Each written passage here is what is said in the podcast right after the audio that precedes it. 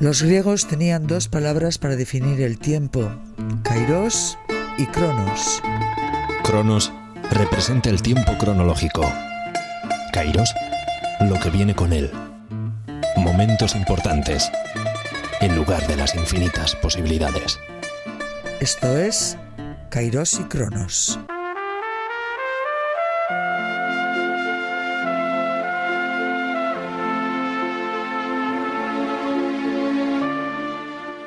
Hola, ¿qué tal? La música y la danza, dos mundos tan íntimamente ligados, son esos mundos en los que nuestras invitadas eh, trabajan.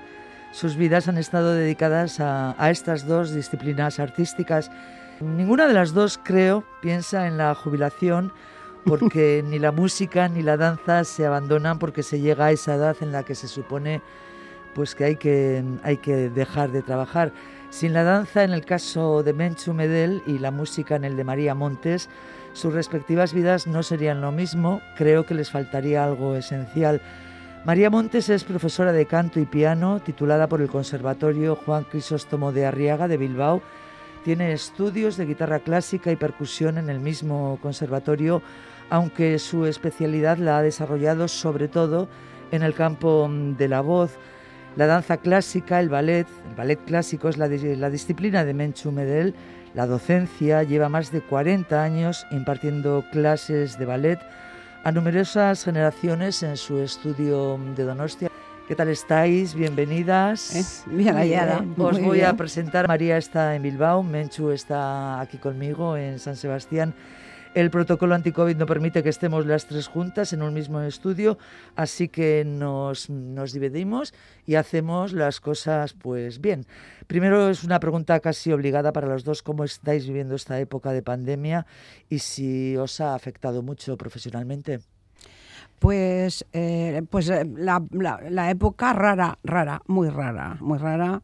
Y hombre, yo soy una persona como muy mm, feliciana, no sé, así tengo un pero no deja de angustiar. Hay muchos ratos de angustia y luego a la hora de trabajar eh, bueno, pues estamos, eh, retomamos, tuvimos los tres meses famosos y luego retomamos y hemos retomado, en mi caso, claro, detrás de una pantalla todo el tiempo, porque no puedes acercarte al alumno, o sea, eh, además el canto, como eh, en sí dicen que expulsa salivillas y esto, pues entonces tenemos una pantalla enorme de metacrilato y yo estoy en un lado y el alumno en el otro lado. Y entonces, pese a que, mm, pues bueno, hay, un, hay una, entre los, una afinidad o un...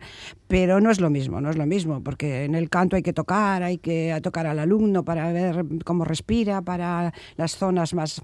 Y es un poquillo frío, pero bueno, es, pues lo, que así, hay, es, lo, que hay, hay. es lo que hay. Menchu, me imagino que mm, parecido. En nuestro caso, bueno, yo desde luego este tema de la pandemia pues me ha servido para hacer un paréntesis, un frenazo que siempre viene bien, porque como eh, toda tu vida estás moviéndote de aquí para allá, dando clases y tal, pues no sé, ha sido como una época de relax dentro de todo el drama que supone.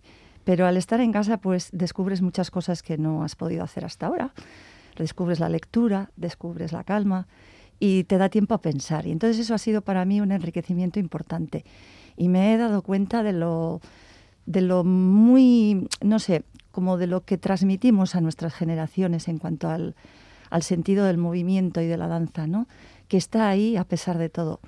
Eh, nosotros hemos tenido más suerte, al principio estábamos cerrados, pero ahora ser una escuela y son estudios, eh, podemos impartirlo a través de la mascarilla. Hemos hecho también a través de la pantalla y ha sido mes y medio pues muy duro, como dice María, porque claro, el movimiento por una pantalla y Claro. todas las apreciaciones y todo lo que supone Sí. pues el, contacto, el contacto el seguir la música, sí. el, en fin, todo, todo. Sí, la técnica la puedes explicar, pero claro, la vivencia es otra y sobre todo cuando ves que tus eh, alumnos están en una habitación que están pegándose con el armario, están levantando la pierna, sí, es verdad. supone pues un hándicap. Pero ahí ves, mm, no sé, lo que es la, la vocación, ¿no? El sentimiento, bien por la música, bien por la danza. Es algo que supera todo. Y bueno, pues ahora mm, sí que llevamos eh, clases prácticas con un protocolo de agarrateca y curva, limpiando con el trapo a todas todo el tiempo, todo el tiempo. aireando. Tenemos la suerte de tener una sala grande, aireada y con espacio suficiente para poder impartir las clases. Así que nos sentimos privilegiadas en este Hay caso. que ir acostumbrándose, sin duda, durante la reclusión forzosa que nos tocó vivir. La verdad es que el arte, la música y la danza han sido muy importantes, son motivo de alegría. María, para ti como profesional de la música, ¿qué, qué significó, qué ha significado? Eh, hombre, es que no cabe duda que la música es un, poder escaparte de ti mismo, no sé, o sea, eh, te abre una puerta a la libertad siempre la música, porque te pone en otra dimensión. Entonces, y también quizás los músicos lo vivimos de otra forma, ¿no? Nos enseguida nos... Si yo, como toco el piano también, yo me metía muchas horas al piano, o sea, Em, oía mucha música y es curioso porque yo me ponía música de sinfónica y así y me dedicaba a hacer gimnasia bailando porque a mí, me gusta mucho bailar. Qué suerte tienen tus vecinos de oír música. Sí, hombre, tengo unos vecinos muy majos, sí que es verdad, porque eh, yo estudio cuando estoy en casa y eh, cantar eh, a nivel lírico es un... Y no, no, se quejan nada, ni los de arriba ni los de abajo. Qué suerte. ni del piano tampoco se quejan. O sea, tengo una gente muy maja. tengo maja gente. No bailas en casa, ¿no, Yo en casa, pues claro que bailo. Por ah, el pasillo también cuando puedo bailo. Lo que pasa es que, claro, la danza es un poco más ruidosa porque si empiezas a saltar y tal. Pero bueno, yo no hago eso, ¿eh? Pero sí que me dejo llevar. La música es algo que María, no sé, me imagino que la sientes. Sí, sí, sí. Y entonces es que yo no puedo, eh, eh, no puedo estar sentada. Es que mi provocación de la música es moverme. Así que. Sí, es, bueno, es que es, bueno, lo que pasa es que cuando hemos empezado tan pronto, yo muchas veces no sabes cómo sienten los demás, ¿no? Porque eh, yo empecé con siete años mis estudios, ¿no? mi madre se empeñó, sí o sí, hija, sí o sí. Entonces, en aquella época tampoco podías decir no quiero. Eso te quería preguntar, María, ¿cómo fue ese encuentro tuyo con la música como instrumentista, como cantante? Te iba a pues preguntar a ver si venía de familia, si en tu eh, Bueno, en mi casa, eh, mi padre y mi madre siempre les ha gustado mucho. Es más, mi prima, mm, Carmen Montes, fue una violinista bastante... murió, pero mm, famosa aquí en, en, Euskadi porque con 16 años sacó mm, plaza en la Sinfónica de Bilbao y con 18 sacó en la, de la eh, cuando crearon el de televisión española, ella tenía 18 y entonces sacó plaza también de ayudante concertino. Eh, que no la dieron la de concertino por tener por ser mujer realmente y joven no y entonces en mi casa era una mm, en mi familia una cosa muy muy común pero yo realmente lo que me hubiera gustado habría sido bailar es curioso porque yo me pasaba por, eh, por el pasillo de puntas todo el día me, encantaba, me encantaba. Pero en mi casa, pues eh, un primo sacerdote de mi madre le dijo que no, que no, que me dedicara más a la otra música, porque la cosa del baile era un poco indecente. Fíjate, es que es curiosísimo. Y mis padres, que pues, eh, pues, eh, pues les, le obedecieron, como aquel que dice, ¿no? Y entonces sí que es cierto que yo creo que esa ha sido mi frustración un poco, ¿no? Estás a tiempo, ¿eh? Pues sí, ya, hombre, yo cuando me pongo música y me muevo para aquí y para allá, entonces, eh, pero bueno, ahora ya... Y me gustaría, no te digo que no, o sea, yo sé que siempre es a tiempo para todo en la vida, o sea, aunque tengas mil años, sí. Menchu, en, tu escuela de ballet ahora mismo, eh, ¿cómo estáis? Hay, hay muchos jóvenes, chicos y chicas que, que en este momento sueñen con los escenarios. ¿Hay cantera, por usar ese símil casi casi futbolístico? Pues mira, a lo largo de todos estos años que llevo dando clase siempre ha habido cantera y una cantera muy buena. A ver, son muy pocos los que llegan, pero los que salen llegan a primeros puestos en las compañías de, Europa. Y esto lo soy testigo porque lo he vivido. He tenido la gran suerte de, poder dar sus primeros pasos y sus primeros conocimientos de danza. Entonces te voy a decir la verdad de que es que es así. O sea, eh, de cada promoción que te viene, siempre hay uno o dos. Ahora mismo tengo un par de niñas de 14 años que ya están estudiando en Burgos en Madrid tengo alumnos y lo que yo siempre les propongo es hacer unos estudios, una carrera, la carrera de danza. Eso lo primero, para tener una titulación por lo que pueda pasar y luego que bailen. Que sigan estudiando, por supuesto, también los estudios y la cultura que tienen que tener, eso siempre. he leído que tus alumnos y alumnas tienen unos arabesques impresionantes y los muslos también enormes. ¿Eso es verdad? No, no, no sé. O sea, cada alumno tiene diferentes cualidades. Hay algunos que tienen líneas bonitas, otros tienen saltos, otros tienen cerebro. Cerebro llamo a inteligencia a la hora de, de coordinar la danza. La danza es un cúmulo de un montón de cosas, pero sobre todo es algo interior. Si no te mueve esa pasión y ese gusto por lo que haces, es inútil. Yo he tenido alumnos que han tenido unas condiciones fabulosas, pero ves que no había como se dice, donde no hay mata, no hay patata. No, no, sí, es verdad, eso se da también en lo nuestro. O sea, tiene que haber eh, una llamita dentro, es algo, tú les ves, o sea que es dentro de... Hay gente disciplinada incluso dentro del canto, pero de repente encuentras uno que es otra cosa. Es como si tuviesen algo eh, que les conecta o que tienen una, no sé cómo llamarlo, ¿no? Pero se les nota, ¿no? Tienen otro un punto ahí que es el... Un punto que es su arte particular y su, su conexión con, con su ser interno. De... y en, en, tu caso, ¿cómo se cruzó el ballet en, en tu camino? Pues mira, eh, a ver, yo a la edad de cuatro años fui a ver mi primera clase de ballet. En aquel entonces estaba don José Uruñuela en los bajos del Cursal. Y yo le acompañé a mi hermana porque tenía una, una amiga que hacía ballet. Y fíjate, me, me acuerdo que me quedé fascinada. Y di la tabarra en casa, pero claro, en aquellos años, imagínate.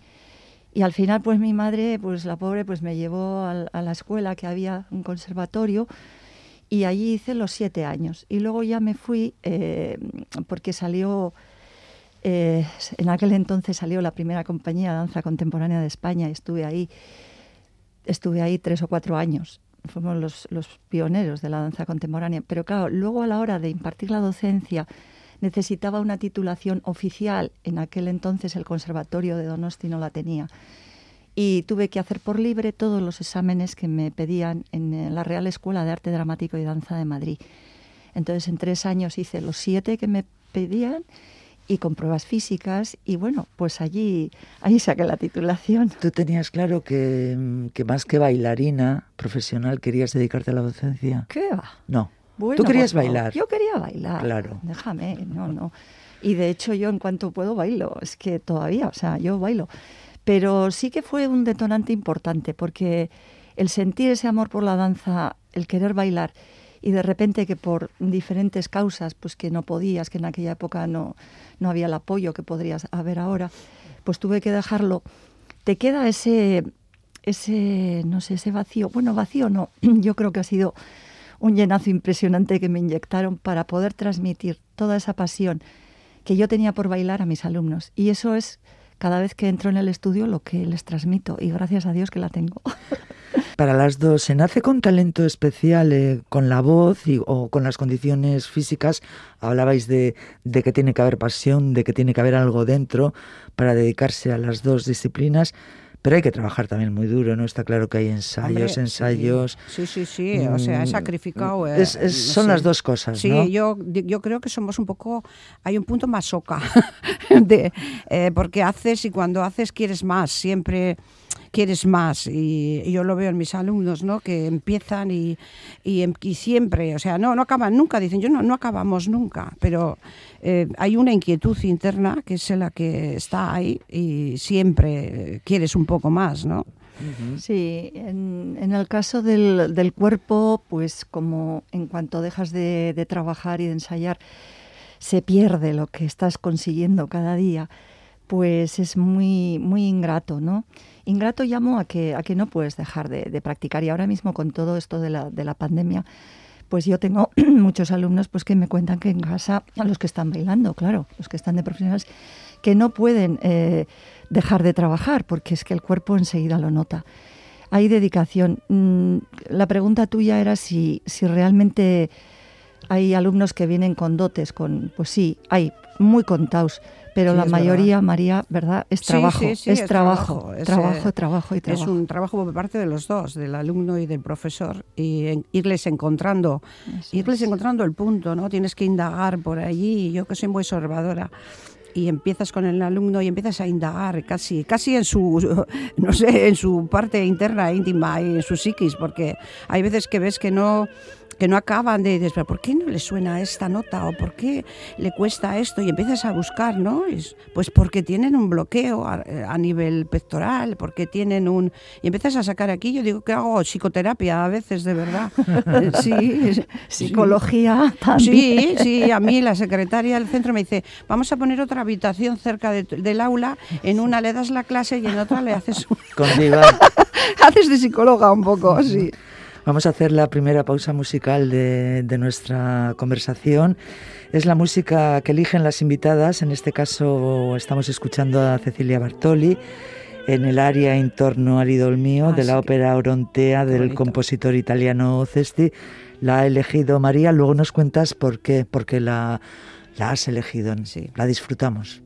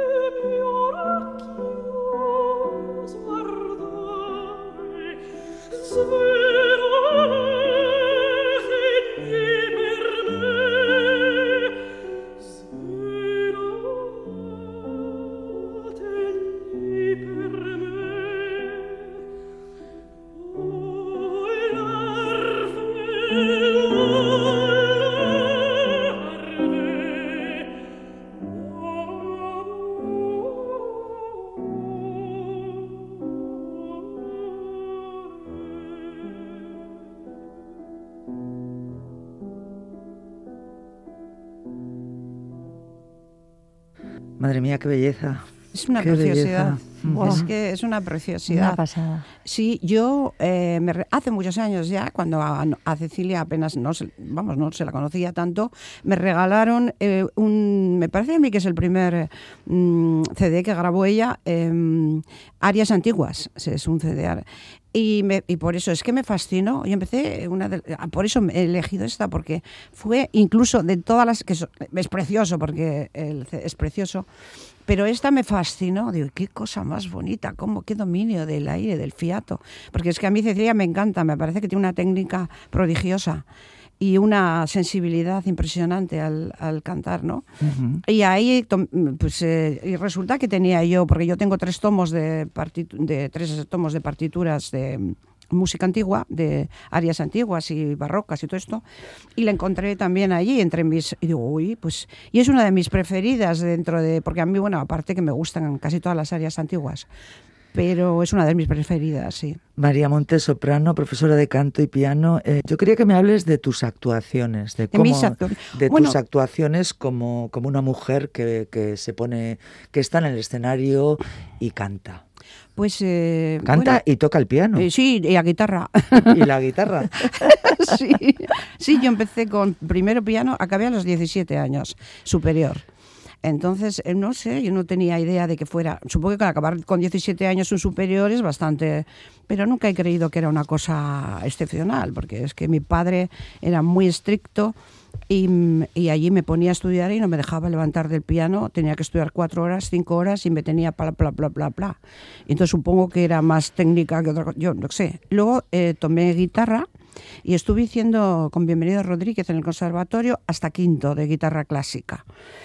Y ya cuando llegué a quinto, eh, que hacíamos ya enseguida el superior, llegó un momento que no podía más, porque me era la guitarra clásica es tan, tan, tan, tan ingrata que llegó un momento que tantas horas y tanto todo, dije, y la dejé, fíjate, que se enfadó. Bienvenido, se enfadó conmigo. Y, y entonces decidí, pues voy a estudiar canto, porque en mi casa siempre se ha cantado mucho y a mí me gustaba mucho cantar. Y, y entonces fue cuando me, me matriculé de canto con Consuelo Azcuaga y, y, ahí, o sea, ahí fue mi de repente, hoy, pues esto es lo que a mí más me gusta del mundo, ¿no sabes? Y después, pues ya empecé por ahí, o sea, con esto. Eh, actuaciones, pues he hecho varias, eh, en zarzuelas y eh, conciertos eh, solos, formamos un grupo. Yo tuve un grupo, bueno, un grupo, éramos guitarra y, y voz de música sefardí. Uh -huh. Sí, y estuvimos haciendo bastantes cosas. Eh, muy bonito, fue muy bonito. Mm, se me rajó el, el, guitarrista al final, cuando ya parecía que íbamos a lanzarnos de tal, mm, se cansó él, porque oh, que era como muy tal, y no sé qué, me dejó plantada. Total, que la música sefardí. Se, y luego he tenido otro grupo, con, eh, se llamaba Led Donne, con otra, una alumna mía, mezzo soprano, con una voz preciosísima, y también hacíamos cosas. O sea, he ido haciendo cosas, pero realmente donde más me eh, donde más he trabajado, desde luego, es en la, en la enseñanza. Ajá. Porque cuando te dedicas mucho a la enseñanza, al final eh, tu parte artística, la de ti misma, la vas como dejando, ¿no sabes? Siempre es, son más importantes tus alumnos casi que tú misma. Y a mí me ha pasado de salir en un concierto y reñirme, incluso si salía con otra alumna, porque siempre puede que no sé si es un defecto o una virtud, a mí me parece que es un defecto. Siempre me ha gustado que se luzcan ellos, ¿no sabes? Es una cosa de, de, de, empujarles un poco hacia adelante. Me decían, es que María, te quedas detrás. Es que a mí me gusta o disfruto mucho cuando veo que el trabajo que estoy haciendo. Pero eso es la pasión de la enseñanza también. Pues puede claro. ser, sí, Ajá. sí, sí. Yo siempre me pongo eh, en segundo lugar cuando eh, hemos hecho cosas con una contralto y un tenor y siempre estoy, les preparo a ellos el concierto, ¿no? Estoy ahí que y lo mío lo dejo siempre un poco siempre tengo tiempo para ellos para que la cosa esté perfecta y, y, yo me cuido menos. Entonces ellos me riñen porque María que tiene, sí que es verdad, pero no lo puedo remediar. De verdad que no lo puedo remediar, no sé. Menchu, eh, profesora de ballet, eh, Menchu Medel, 40 años formando jóvenes eh, de Guipúzcoa fundamentalmente, ¿no? Sí, uh, bueno, tenemos, eh, sí, sí, vienen de toda la provincia. Eh, ahora 40 años hace que abrí la escuela, pero yo antes ya llevaba 7 años más dando clase, o sea, en total son 47. 47 años. 47, Jesús, qué horror. Y la verdad es que te digo, te digo como que estoy aquí, que es que cada día que entro en el estudio me parece que es el primero. Porque aparte de que aprendes cada día a dar una clase, aprendes, porque los mismos alumnos te enseñan, sí, te siguen sí, enseñando. Sí, y, es verdad. y no sé, es siempre tan apasionante el poder imprimir a través de cada paso la sensación del movimiento que, pues no sé, que me olvido de todo. Sí, sí, yo, es cierto lo que dices, o sea, que te enseñan los alumnos. Eh, yo hay muchas veces que con un alumno empiezas a investigar y de repente te das cuenta, dices, ah, pues esto lo puedo aplicar yo para este otro, ¿no? O sea, si, si estás con la mente abierta con ellos, eh, captas muchísimas cosas que te sirven, incluso para ti mismo, ¿no? O sea, Sí, porque sí, sí. miras, pues esto que le pasa por aquí. Ah, claro, pues es que al otro, si yo trabajo por este punto, o sea, se hace un, un estudio un poco de dando clases y vamos, si te gusta o no lo sé, porque habrá de todo. en el mundo Yo de estoy, ¿no? casi segura de que no se puede dar clases si no te gusta, ¿no? Claro, no, sería, ah, sí, sí, sería sí, una sí, sí. tortura. Sí, Es porque, horrible, hombre, horrible. es, eh, aunque nos guste, es agotador a veces. O sea, ahí- terminas la clase y tú psíquicamente, o sea, de, físicamente no, pero psíquicamente estás cansado. De, de- en mi caso, en el de ella será la atención continua de, de- de ver los movimientos y en el mío una atención continua sonora en la que estás eh, con, con los cinco sentidos puestos allí cuando el alumno canta mm, para, para mm, a ver esta, esto por qué ha ido por ahí y por qué ha ido por allá, ¿no? Esa nota que se cae, el que no llega con, con facilidad al agudo, ¿por qué? Y estás con esos sentidos puestos que, claro, que Sí. también cansa mentalmente. Sí, en el caso de la danza es que además es, es peligroso porque, claro, lo que es la danza clásica se trabaja fuera de la normalidad del andar. Es decir, que andamos en paralelo, pero claro, en danza se abra todo a las tres menos cuarto. Sí, es verdad. sí. Entonces, claro, pues con- a partir de ahí, pues claro, cada anatomía es diferente y tienes que estar muy pendiente de- porque pueden, eh, puede haber problemas físicos. Pero también es importante que, que yo quería decir que, claro, también te das cuenta que muchas veces alguna pasa que, que las madres, los padres, traen a ballet porque a, a ellos les ha gustado. Ya. Pero resulta que viene el niño o la niña y dices, "Joder, es que no le gusta nada, es que se está claro. aburriendo. Sí. Y te digo, porque yo en estos casos hablo con los padres, digo, mira, igual es mejor, no sé si lo habéis planteado, pero que haga otro tipo de cosa. A lo mejor, pues yo qué sé, le gusta la música, como si le gusta la pintura. Si queréis darle algo de arte, o lo que o igual resulta que tiene que ir a jugar a la plaza. Sí, Porque claro. están tan llenos de cosas que Sí, muchas es veces que hacen mucho ¿eh? los ves, niños. ¿eh? ves tú que dices, Jolín, encima le estoy planteando aquí más de media hora de barra con esta disciplina y el Mm. centro y tal, y le estoy amargando al niño porque no está disfrutando. Si no partes de la base que, que- que están atrapados por el duende de la danza o de- en este caso de la música, María, es que yo creo que es, es inútil. Es inútil. Yo en el canto eh, tengo la suerte que generalmente nadie viene porque a sus padres quieren. En canto no. Pero yo tengo alumnas jovencitas que son las que hacen em, eh, música por eh, carrera, ¿no? Y entonces han escogido el canto como complemento. O sea, pues es que tienen que estudiar. Eh, si hacen piano, luego tienen que coger un instrumento complementario. Y muchas de ellas han cogido canto. O sea, y son alumnas de 12, 13 años, que es bastante duro trabajar con, con esas edades. Primero porque las, los niños casi los niños tienen un cambio brutal de voz y las niñas también, aunque no se note tanto, ¿no? Pero en el momento que se desarrollan eh, les cambia. Eh, seguimos siendo voces blancas, pero cambia. Y entonces son edades, eh, pues un poco para el sacrificio de la técnica y tal. Y, y, y los cogen ellas, ¿eh? No es que los padres digan, no, pues vas a hacer canto. No, escogen. Es- Y luego yo tengo mucho alumno eh, mayor, porque tengo alumnos de todas las edades, que la, la ventaja del canto es que pues eh, a empezar casi, y dices, con 80 años, pues venga, voy a, voy a, a- a cantar, que me ha gustado toda la vida, y lo tengo ahí, tengo gente mayor, y, y que disfrutan, ¿no? Y entonces como la gente que viene, viene porque quiere, son una decisión que han tomado las jovencitas y los mayores también, eh, es- eso ayuda mucho, eso ayuda mucho. Sí, sí. Eh, Porque en piano es distinto, ¿eh? A- ahora igual no, pero antes era, eh, hay que hacer piano porque se lleva lo de tocar el piano. Y entonces había mucha gente que iba a estudiar piano porque en su casa, bueno, en mi caso ha sido así. Lo que pasa que yo... pues Lo bueno, dices con digo, conocimiento de causa. eh, No, no, es verdad. Era, yo iba a la gente porque en casa era bonito eso de un piano y tal. Y, Sí. y lo mío fue, pues también. Yo también. creo, de todas formas, en el tema de la danza, creo que ha habido mucha gente frustrada, mucho adulto que no ha conseguido bailar y entonces lo transmiten, esa pasión a través de los niños, ¿no? Ay, venga, que es muy bonito, que te va a dar una buena colocación, que vas a disfrutar, que claro, les pintan como si fuera que llegas y ya lo haces todo, ¿no? Y es todo lo contrario, es, Ah, es no, muchos claro. años, paciencia, paciencia, luchando con tu cuerpo. Y yo ahora mismo, pues estoy con, bueno, no sé, llevo ahora dos años y pico que estoy descubriendo, quizás también pues porque yo me hago mayor, pero que porque está petada, o sea, vetada, perdón, vetada, ojalá estuviera petada, vetada la danza a la gente mayor, Claro, porque a partir de los 50, 60, 70, yo ahora mismo tengo hasta de 70 años, alumnas que vienen dos veces por semana y se toman la, la barra de ballet clásico y están descubriendo que les está viniendo fenomenal para su vida. Seguro. Y bueno, pues lo mezclamos con estiramientos, con otro tipo de trabajo también físico. Creo que es muy, muy importante el, el que la danza, tanto la música como todo lo que es arte, te acompañe toda tu vida, que no tengas ninguna frontera en la que digas, ya no sirvo. Porque no es verdad, porque siempre se puede bailar de cualquier forma, Sí, siempre es que se puede creo- cantar. Y cantar, es que se abre. Yo creo que mm, eh, yo leí un artículo que decía que estudiar eh, a, mm, música, lo mismo, pues eh, canto que danza, a- cuando uno es mayor, que es buenísimo para el cerebro. O sea, que al tener que fijarte en cosas del cuerpo, en otras sensaciones, es como si se abriesen nuevas redes neuronales, ¿no? Sí, sí, y que es una cosa mm, buenísima para el espíritu y para...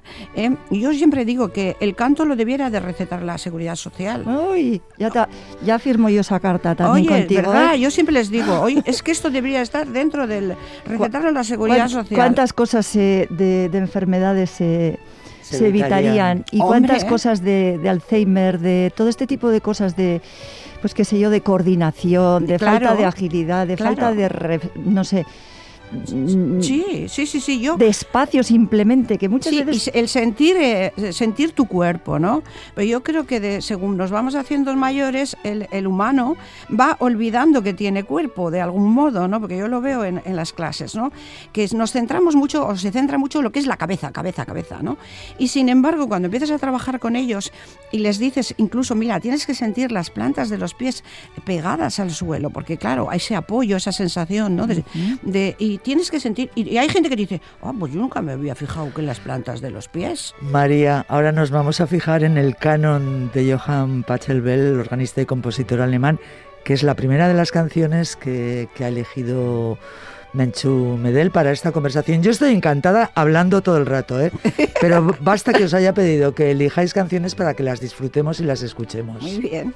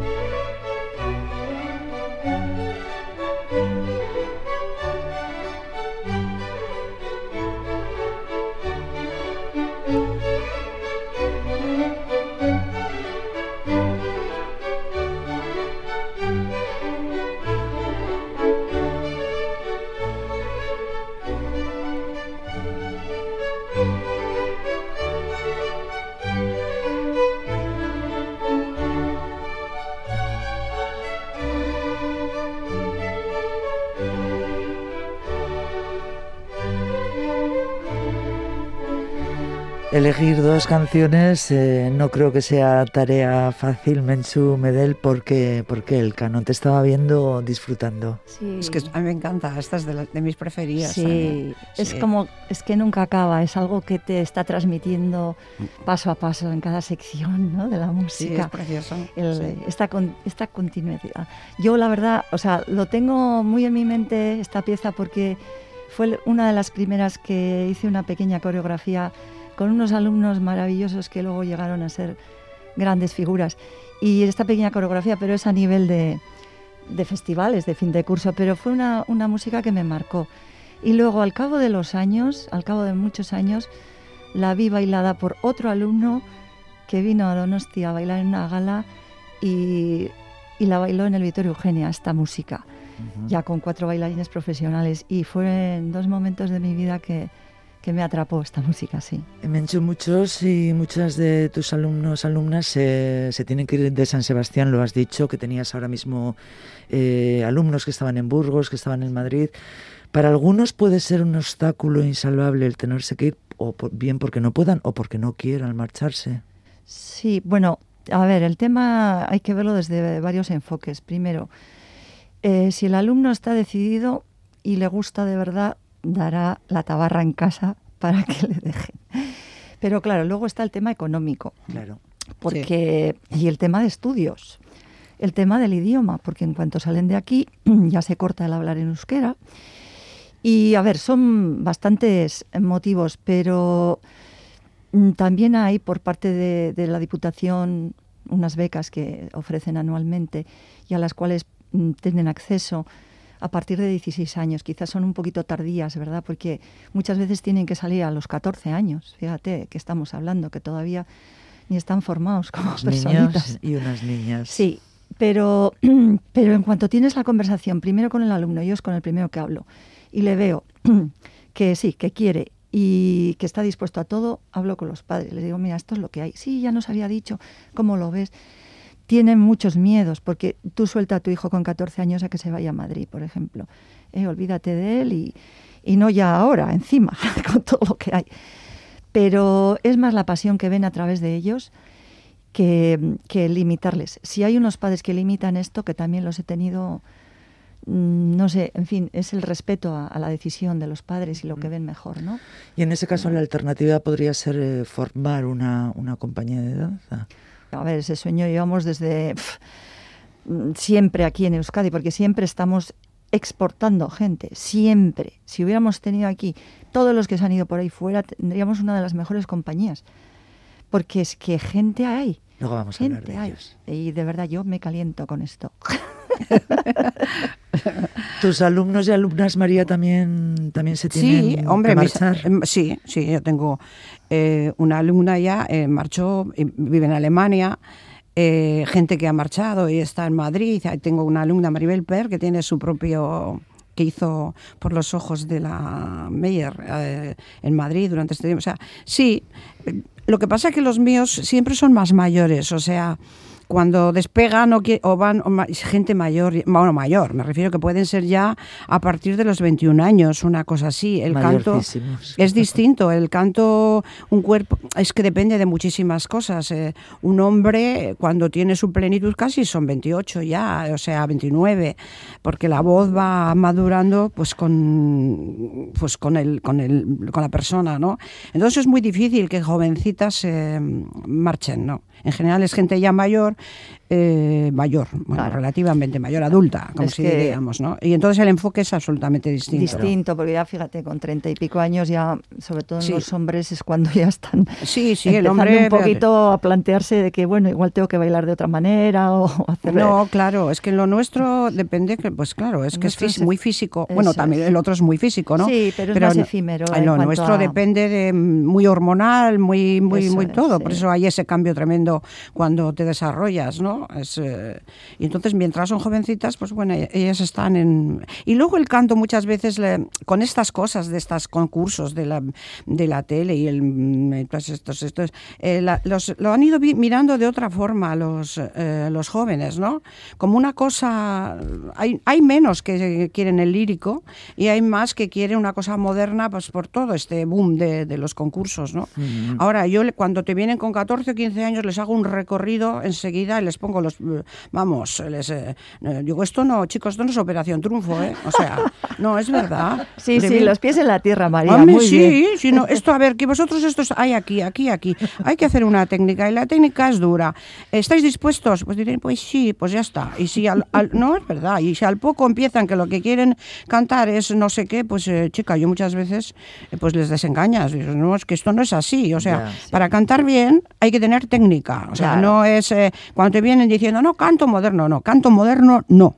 O sea, el canto hay una técnica física que tienes que trabajarla. Y una vez que esté bien y tú comprendas tu cuerpo, tu forma de emitir sonidos, por qué esto y por qué lo otro, pues te dedicas, que soy yo ya les digo, si a ti te gusta cantar jazz, ya, si a ti te gusta cantar pop, que me parece un... Mm, pero bueno, pues hija mía, sí, canta sí. pop. Pero no me, no, no, porque yo, porque es que esto me parece, o sea, no, no, yo, yo soy muy dura para eso, ¿eh? no es verdad. Menchu, tú has formado, hablábamos de esas grandes figuras de la danza que podríamos tener en, en Euskadi, pues una muy buena compañía, bailarines y bailarinas que acumulan premios y trabajan en en algunas de las más destacadas compañías del mundo. Yo no me atrevo a dar nombres porque sé que me voy a dejar alguno. ¿Cómo les recuerdas dando sus primeros pasos de baile y cuando, cuando te das cuenta de que se tienen que marchar o que se quieren ir porque sienten esa pasión? ¿Cómo, cómo convive esa, esa pena y esa alegría? Pena ninguna. Ninguna. Ninguna, eso lo tengo muy claro. Cada alumno que entra trae su vida y ha nacido para algo. Entonces yo lo único que hago es ponerles en el camino y me siento privilegiada por eso, eso de verdad. Siempre lo he pensado así. Y, bueno, pues descubres en cada uno su lo que tiene de especial. Entonces les, les explicas, les haces fuertes, que, que luchen por lo que les gusta. Y realmente, no sé, darles esa seguridad y ese descubrimiento de la danza. Para mí es importante también, como ha dicho María, el descubrir el, lo que lo que realmente es el trabajo, el día a día, ¿no? que eso les va a acompañar toda su vida y que no es pasar el rato, que no es, venga, hago cuatro cositas y bailo baile moderno, por ejemplo, que está muy bien y, nosotros damos clases de jazz. Eh, no, la danza clásica es la base, la base para jazz, la base para contemporáneo. Entonces, primero que trabajen en eso, porque no sabemos lo que va a pasar luego. Una vez que van fuera, hacen sus estudios de danza, terminan la carrera, luego ya que se dediquen a bailar contemporáneo, eh, jazz, lo que sea, porque la danza es una, tiene muchas ramas, pero la danza es una. Y hay que empezar por el camino adecuado. ¿Qué dices, María? No, si es que además es curioso porque hay gente que empieza porque tal y luego descubre, o sea, es que mm, descubre el, instrumento de una forma que era gente que venía con idea. Yo he tenido alumnos que te venían y decían, ah, yo no quiero clásico de nada, eh, yo no quiero lírico. Y de repente empiezan, empiezan a oír su voz que coge esas, porque es muy satisfactorio cuando uno canta y esas, esa capacidad de poder dar esos sonidos de conectar de algún modo, ¿no? Y, crear la música tan maravillosa que hay en música clásica. Y de repente lo descubren, lo descubren cuando llevan igual tres años estudiando canto, ¿no? Y es gente que en su... Yo, fíjate, Fernando La Torre, que fue alumno mío del, primero, em, el primero de mis alumnos, yo le adoro. Es un barítono que, canta mucho, que ahora mismo está, ha hecho en el Arriaga mm, lo de el, este homenaje a, Beethoven, que han hecho varios. Eh, y Fernando empezó con, con el piano, empezó a estudiar conmigo piano y tal. Y yo le veía que tenía una voz, eh, era barito, es no, pero era, le, pilló el cambio vocal, ¿no? Y empezamos a trabajar, a trabajar, y él toca, tenía un grupo entonces que se llamaba Lapsus, y él tocaba la el teclado, ¿no? Y yo, ay, Fernando, yo creo que debieras de... ah, no, no, no, no, ni soñar, me ni soñar, a mí me gusta la música moderna. Pues Fernando, me parece, era un crío, ¿eh? porque tendría 17 años. O y le regalé el disco de, le regalé la Traviata y digo, mira, Fernando, hasta que no te la oigas tres veces, no me vuelvas a dirigir la palabra. De todas las maneras, vamos, no está reñido, ¿no? Que te encante la música lírica y que te guste la música moderna. Ah, no, claro que no. no, no, no, no, no, no, no. O sea, lo que pasa que yo no sé, yo creo que la, eh, agarra mucho la música clásica, o sea, porque tiene tan, tan, tan cantidad. Y luego dentro de la música moderna, claro, hay muchos niveles, eh, hay muchos niveles, ¿no? Y hay música moderna muy buena, pues que también, que también es, es, importante, ¿no? Pero, pero yo, es que, Jayo, todas estas cosas de ahora, estas músicas tachun, tachun y todo esto, de verdad que me, es que me saca de quicio. Es una cosa. Hay de todo, hay de todo. Eh, yo no me atreví a dar nombres de, de, esos alumnos, la verdad es que sigo sin atreverme, pero hace muy poquito que Lucía Lacarra actuó en La Riaga en Bilbao, venía de San Petersburgo, de un viaje larguísimo y bueno, pues eh, le preguntamos por ti. Pues yo a Menchu le recuerdo más que casi como una, aparte de una profesora maravillosa, como una madre artística. El cariño que tenía Menchu por cada uno de sus alumnos y la manera que nos acompañó, no solamente técnicamente dándonos esa base tan necesaria e imprescindible para toda tu carrera, sino también psicológicamente y físicamente acompañándonos a cuando nos íbamos fuera de casa, cuando por ejemplo yo me fui a Madrid, Menchu venía con nosotros, nos acompañaba y estaba siempre ahí para, para cualquier duda, cualquier pregunta, cualquier necesidad que tuviéramos y nos sentíamos arropados por ella. Y es algo que es muy importante porque el, el, principio en una carrera, sobre todo antes de que llegas a ser profesional, es muy diferente y necesitas el apoyo de una persona que entienda y, y Mencho ha sido eso para nosotros, ha sido, ha sido una guía y, nos ha acompañado en el camino y eso, eso se recuerda siempre. Qué emocionante, ¿no? Pues sí, pues sí. Al final son como tus hijos. Sí, hoy sí es verdad, ¿eh? Sí, los terminas, eh, sí. Eh, yo realmente tengo, eh, tengo alumnos que, mm, claro, hace mucho tiempo ya que se han convertido en mis amigos, o sea, alumnos con los que hay veces que quedas para cenar y sale y son amigos, son los amigos de amigos, de lo que es el grupo de amigos, ¿no? Y han sido alumnos, eh, alumnos míos, porque tienes, terminas teniendo un contacto con ellos muy muy intenso, ¿no? Muy intenso. De ellos muchas veces te cuentan sus cosas y se abren mucho, ¿no? Cuando porque pues, es un tipo de enseñanza que es muy es física y mental muy de contacto muy de, sí, de muy contacto muy contacto y se abren mucho. Yo ellos a veces te cuentan sus, sus cosas no sus eh, o te vienen con sus historias y sus dudas y sus penas, que igual no tiene nada que ver con, con, la, con la música, ¿no? Pero te están contando de, Con la su, vida, de su vida, sí. Eh, María, escuchamos a Roberto Alaña, es Ay, sí. uno de, de tus Mis eh, muy- de- de- tenores de mis más- más- preferidos. más- Oh, sí, sí, sí. El tenor francés de familia de migrantes sicilianos y en esta área de la ópera mm, Werther de, Sí, de- Massenet. Esa la vi en ¿Por qué en me despiertas? Sí, en el Euskalduna, es maravilloso este hombre. la escuchamos.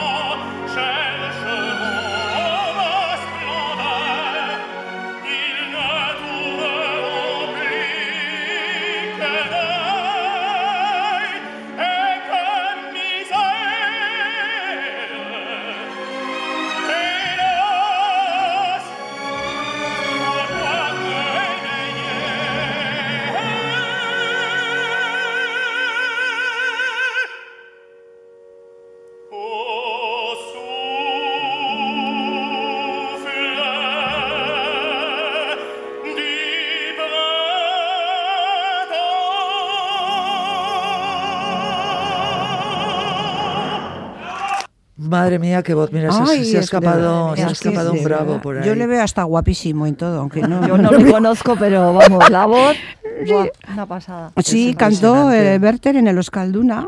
Pues yo igual creo que fue hace tres años ya, ¿no?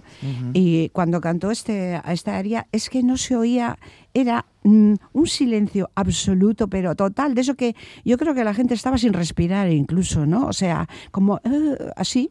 Y en el momento que terminó, claro, fue un estallido de ¡guau, guau! De bravos. Guau, sí, yo salí y digo, qué guapo es este hombre. Pues no es tan guapo, ¿no? Es como bastante normal. Pero yo es que le veo ideal. María Montes, la música Menchume de la, la danza, vuestras vocaciones creo que son muy sacrificadas. Eh, ¿Se quedan en el camino muchos profesionales? Pues supongo, o sea, es, es que son muchas cosas y e incluso, o sea, es- yo creo que es incluso mm, duro triunfar o difícil triunfar, no son profesiones en las que se triunfe fácilmente, no que va. No, hay que pelear muchísimo. Hay que pelear, hay que tienes que tener un carácter especial, creo sí, yo, para Y hay mucha gente buena por el mundo. Yo quiero decir buena en cuanto a técnica, en Sí, cuanto a sí, cada baile. vez más, además, yo creo que en cada vez chicos, más. por ejemplo, en dentro de la danza, pues siempre es algo más fácil, porque hay muy pocos. Hay menos. Hay menos. Pero en chicas hay una competencia feroz. Sí, como sopranos hay En- muchísimas. también, Entonces, sí. por eso yo creo que es, eh, a ver, al final lo que te marca es lo que llevas dentro. Lo que lleva dentro acompañado de, de, claro, de trabajo y de cualidades. Pero es lo, lo que tienes dentro y lo que quieres luchar por, por sacar adelante tu arte. Cuando no te deja la vida será por algo también llegar. Entonces, a lo mejor pues tienes otra labor que hacer. Pues seguramente, yo siempre, yo creo que hay un, aunque el ¿Un destino muchas veces lo ¿Para vamos nosotros no creando, pero eh, hay un hay un, fin de algún tipo y es Sí. verdad, la vida te empuja, te da una patadita de repente y te tira para aquí y te da otra patadita y yo porque yo eh, me presenté a unas oposiciones de en Baracaldo para profesora de piano, eh, curiosamente, y no me cogieron porque estaba embarazada en ese momento. Eh, y mm, no, pero a las próximas y tal ya. Pero, o sea, que además me lo dijo la- tranquilamente. ¿eh? No, pero como estabas embarazada. No, no, nos lo tomamos con humor porque es la única manera de, Sí, de sí, poder sí. tomárselo ahora mismo, pero es terrible, vamos. Terrible, sí, sí, terrible. Sí, sí, sí, de- de- ¿Cómo Es estás? una Bueno, barbaridad. más adelante. Y se lo- yo se lo agradeceré eternamente, de verdad, porque en, en ese momento me hubiera dedicado, hubiera sacado una plaza en, en Baracaldo, en el conservatorio, y, y estaría dando clases, ahora mismo ya jubilada y todas esas cosas, ¿no? Pero hubiera dado clases de, de piano o de solfeo. Y, y yo ahora lo pienso Y digo, Dios mío, qué favor me hizo, ¿no? Porque me hubiese, porque mi madre en aquel momento, que yo ya estaba, pues eso, claro, tenía, estaba embarazada de mi, de mi segundo, eh, y, y me, ay, hija chica, no, pues ahora lo que tienes que hacer, pues mira esto, aprovecha para estudiar más, ahora preestudia más, prepárate más. Y digo, no, mamá, yo lo que voy a hacer es eh, em, el canto, me voy a meter en el canto, voy a volver a retomar, porque ter- había terminado la carrera. Contacté con Alejandro Zavala, que ha sido mi maestro durante mucho tiempo, maestro de estilo, entonces mm, fuera de serie. Y, mm, y digo, bueno, y ahora me, y mi madre me reñía, me decía, pero es que te tonta, pero tú pa, no, dedícate al piano, que...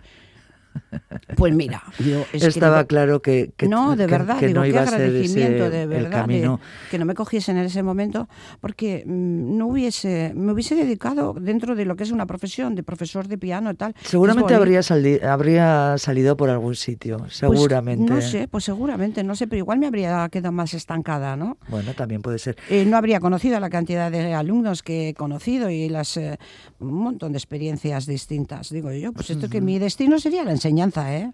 Yo digo yo, yo siempre digo yo, en otra vida no sé lo que habré hecho, ¿eh? Pero he tenido que pagarla en esta enseñando a gente. Pero eso es bonito, os, ten- os tenéis que sentir muy, Hombre, orgull- muy orgullosas, ¿no? Sí, sí, sí, Sí, sí, sí, sí. es mucha, Sí. da mucha vivencia. Yo también enseñanza. pensaba que había nacido para bailar toda mi vida y bailar por escenarios, pero eh, pues mira, pues va a ser que no, te va a tocar enseñar. Sí. Y resulta que pues descubres que pues que es tu vida y que lo amas de la misma manera. Sí, sí, sí, que es lo que me... Yo ahora que estamos como de vacaciones y tal, hay veces que me aburro, digo, porque yo trabajo en un conservatorio privado y, mm, y digo, pues fíjate, o sea, si me estoy en casa, digo, ¿qué hago? Porque me aburro. Es que me aburro, que mi marido suele decir, pero eres tonta. Digo, pues sí, me aburro, porque ese trato, ¿no? De con ellos, de, ah, no lo sé, o sea, es otra cosa, es una necesidad física. Creo que es una necesidad física, fíjate. Como educadoras ambas, eh, ¿cómo veis eh, los estudios de música y danza mm, ahora mismo en, en Euskadi? Hombre, yo creo que hombre, yo creo que se debiera apoyar más todo, ¿eh? O sea, eso Sí. siempre es una la cultura, la pobre es una sacrificada, o sea, y que debiera haber más apoyo a nivel de e incluso en las escuelas, que aunque se da música, se da música Sí. en las escuelas, pero se da una música un poco sui generis ahí de que digo yo. Como María, ¿no? Como, como, que, como, como que fuera una, una asignatura de Ah, esas sí, sí, sí, fáciles sí, de sí, aprobar. sí, y, sí, sí, Ujú. sí, pero es porque mm, em, yo no sé todavía la gente, hay mucha gente que cree que la música es, em, no sé, como un suplemento. En un suplemento, a mí me ha pasado muchas veces, ¿no? De una vez estaba hablando con una, una señora de un, bueno, un coro, el, el coro de orquesta de cámara de Bilbao, eh, llevamos mucho tiempo también ahí, y una del coro, un alumno mío tenor que canta, es muy bueno también, le dice ella, eh, tú, eh, además de estudiar, ¿qué haces? Y dice, pues yo soy estudiante canto, música. No, no, no, pero me refiero a una profesión seria, le dijo, o sea, me refiero si... Si tienes una- unos estudios serios. Es Y le dije yo, no, mira, así. chica, no. Nosotros los músicos estamos todo el día riéndonos, o sea, no. O sea, vas a ser serios. O sea, y eso lo he oído más veces, ¿eh? Como Sí. que. Hombre, lo importante es hacer un- una ingeniería, una, vamos a ver, médico, abogado, o sea, lo otro es como, eso es un La suplemento. farándula. Un suplemento, sí, sí, sí, sí, bueno, claro, está bien que se tenga. Es entender quizás la, la cultura como puro entretenimiento, todas formas, sin más. Mira, yo quería comentaros, hace, pues eso, mucho, mucho tiempo, el pintor Rafael Ruiz Valerdi, que ya falleció, eh, me propuso a mí, también le propuso a Paco Palacios, a ver si no podíamos dar eh, las tres ramas del arte en las escuelas más humildes. Y estuvimos yendo durante cuatro o cinco años a todas las escuelas públicas, pero no, no como, o sea, hoy, sino en unas condiciones de, mm, de pobreza. Estuvimos en, en varios pueblecitos de la provincia y dábamos a la vez pintura, música y danza. Y las clases se realizaban, pues igual yo de danza daba en un laboratorio de química, agarraos a unos pupitres y tenían lo que no tenían ninguna escuela, eh, vamos a decir de las que en aquel entonces tenían dinero, lo tenían las más pobres. Y fue un proyecto que fue apasionante, Claro. porque claro. de ahí incluso salieron bailarines. ¿tú? Pues claro. Sí, sí, sí, y, sí. y yo decía, esto es que no se, no se debe de perder. Y después de aquel proyecto, luego ya Rafa murió también, pero mm, a mí, desde luego, donde tiene que estar la rama, todas estas ramas del arte es en la escuela, lo primero. Y luego Sí. ya el que quiere incidir más, pues ya va a trabajar a tope. Pero forma parte de la educación del niño. Sí, debiera, debiera formar Debiera. parte, debiera. Yo creo que es una cosa que está un poquillo... de- ma- Porque es que enriquece... Es que yo creo que la gente eh, que hace eh, arte, lo mismo pintura, que danza, que, que música, canto, eh, yo creo que hay un- una forma de enfocar el resto de tu, su vida de una forma distinta, porque eh, eleva el espíritu, o sea, te crea un... No sé, yo creo que al- crea algo distinto, te abre la mente a, otro, mu- a, un- a otros mundos, ¿no? Creo que es la música como compañera de nuestras vidas, de recuerdos y de vivencias. Mm, La idea de que la memoria musical artística permanece en, en nuestro interior sí. y que surge y sale a la luz con, con solo unas notas. Y en la danza, yo creo que todos hace muy poco hemos visto en la televisión, en todas las televisiones, a una mujer mayor en silla de ruedas Ah, sí, sí, lo he visto Sí. yo también. sí. seguramente con Alzheimer, Sí, sí. que can- con tan solo escuchar unos compases del lago de los cisnes, Sí. su cuerpo y su- sus brazos volvían a moverse. Eso para mí, y creo que para vosotros también, es emoción Sí. y belleza. Sí. Y, y lo mismo se da en un proyecto que es, es muy interesante, se llama Sonidos de la Memoria, que une a personas que tienen el- en común el, el amor por la música y a personas ligadas a, a la demencia, porque efectivamente mm, le- les ayuda. Yo creo que el mundo no sería igual sin la danza, sin la música, claro, claro. sin ninguna rama mm, del arte. Y os voy a preguntar, ¿y con la radio? ¿Y la radio? ¿Escuchabais la radio de pequeñas? Ah, ¿En sí, sí, vuestras sí. casas estaba la radio Sí, encendida? en la mía Hombre, sí. Hombre, íbamos a casa corriendo para Ah, ver, ustedes son formidables. Sí, eh, todas eh, no las sé aquellas, Bueno, bueno, bueno. Y Era- es que además te reunía, o sea, te reunía la familia. Sí, al lado, yo sí, es verdad, en, en- en casa, en, el- en la sala, nos poníamos ahí, mi ama y mi abuela, y, y ahí te ponías a ver todos los programas, y era Todos, una maravilla, todos, lo de la radio era una maravilla. Pues entonces, en ese momento, yo era, o hacías punto, o hacías, eh, bordabas algo tal, o sea, hombre, lo de la radio era una maravilla. Y es, sí, es muy íntima, la radio yo creo que es algo muy íntimo que, que te acompaña en todo momento. O sea, y además tiene una cosa buenísima, que te ejercita la imaginación. Sí, Que lo sí, estás viviendo, que lo- claro. no necesitas verlo en la pantalla delante Claro, tuyo. sí. Lo estás viviendo directamente. Entonces eso es algo que te, que te marca, ¿no? Es algo, ya te digo, para mí la palabra es más íntimo. Sí, porque tienes que, o sea, cuando estás oyendo la radio tienes que imaginar, hay una parte tuya, está tu sentido acústico que está ahí alerta, pero luego el resto de los sentidos están trabajando también. O sea, trabaja el, el- el ojo, de la, la vista trabaja porque imagina y ve. ¿eh? O sea, es el resto, hasta, hasta eh, sientes, ¿no? Cuando te están, eh, es físico. Yo creo que la radio es muy física, ¿eh? Sí, sí. Pero sobre todo porque te hace, te hace ponerlos a trabajar a los otros sentidos, ¿no? María Menchú, se me ha pasado la hora volando, nos tenemos que, que despedir. Ha sido un auténtico placer la charla con vosotras. Menchú Medel, profesora de ballet, María Montes, soprano, profesora de canto. Escuchamos La vida, la vida es bella, la partitura de la banda sonora de la película de Roberto Benigni, Ah, sí, sí, sí. firmada por el compositor y director de orquesta y pianista también, Nicola Piovani, que en 1998 ganó el Oscar a la mejor banda sonora original. La vida es bella, nos quedamos con eso, nos quedamos con la música, nos quedamos con la danza. Muchísimas gracias. Y a ti. Muchas gracias. Muchas gracias. En la técnica Miquel Olazábal, el saludo de María José Villaverde. Agur, cuídense.